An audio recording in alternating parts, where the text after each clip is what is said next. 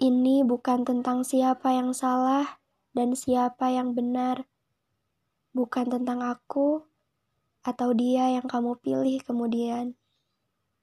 Ini tentang setia yang kamu gadaikan. Aku tak bisa lagi percaya melihatmu seperti melihat patahan hatiku. Ada sesuatu yang tak bisa kuhilangkan dari mataku. Pengkhianatan itu tak bisa ku terima meski atas dasar cinta. Andai kamu memilihku, apakah mungkin tidak akan ada dia yang lain? Kamu bisa menjamin, tapi hatiku sudah tidak yakin. Kamu tak perlu iba, aku lebih rela kamu tinggalkan dibanding bertahan dalam kisah yang kamu dustakan.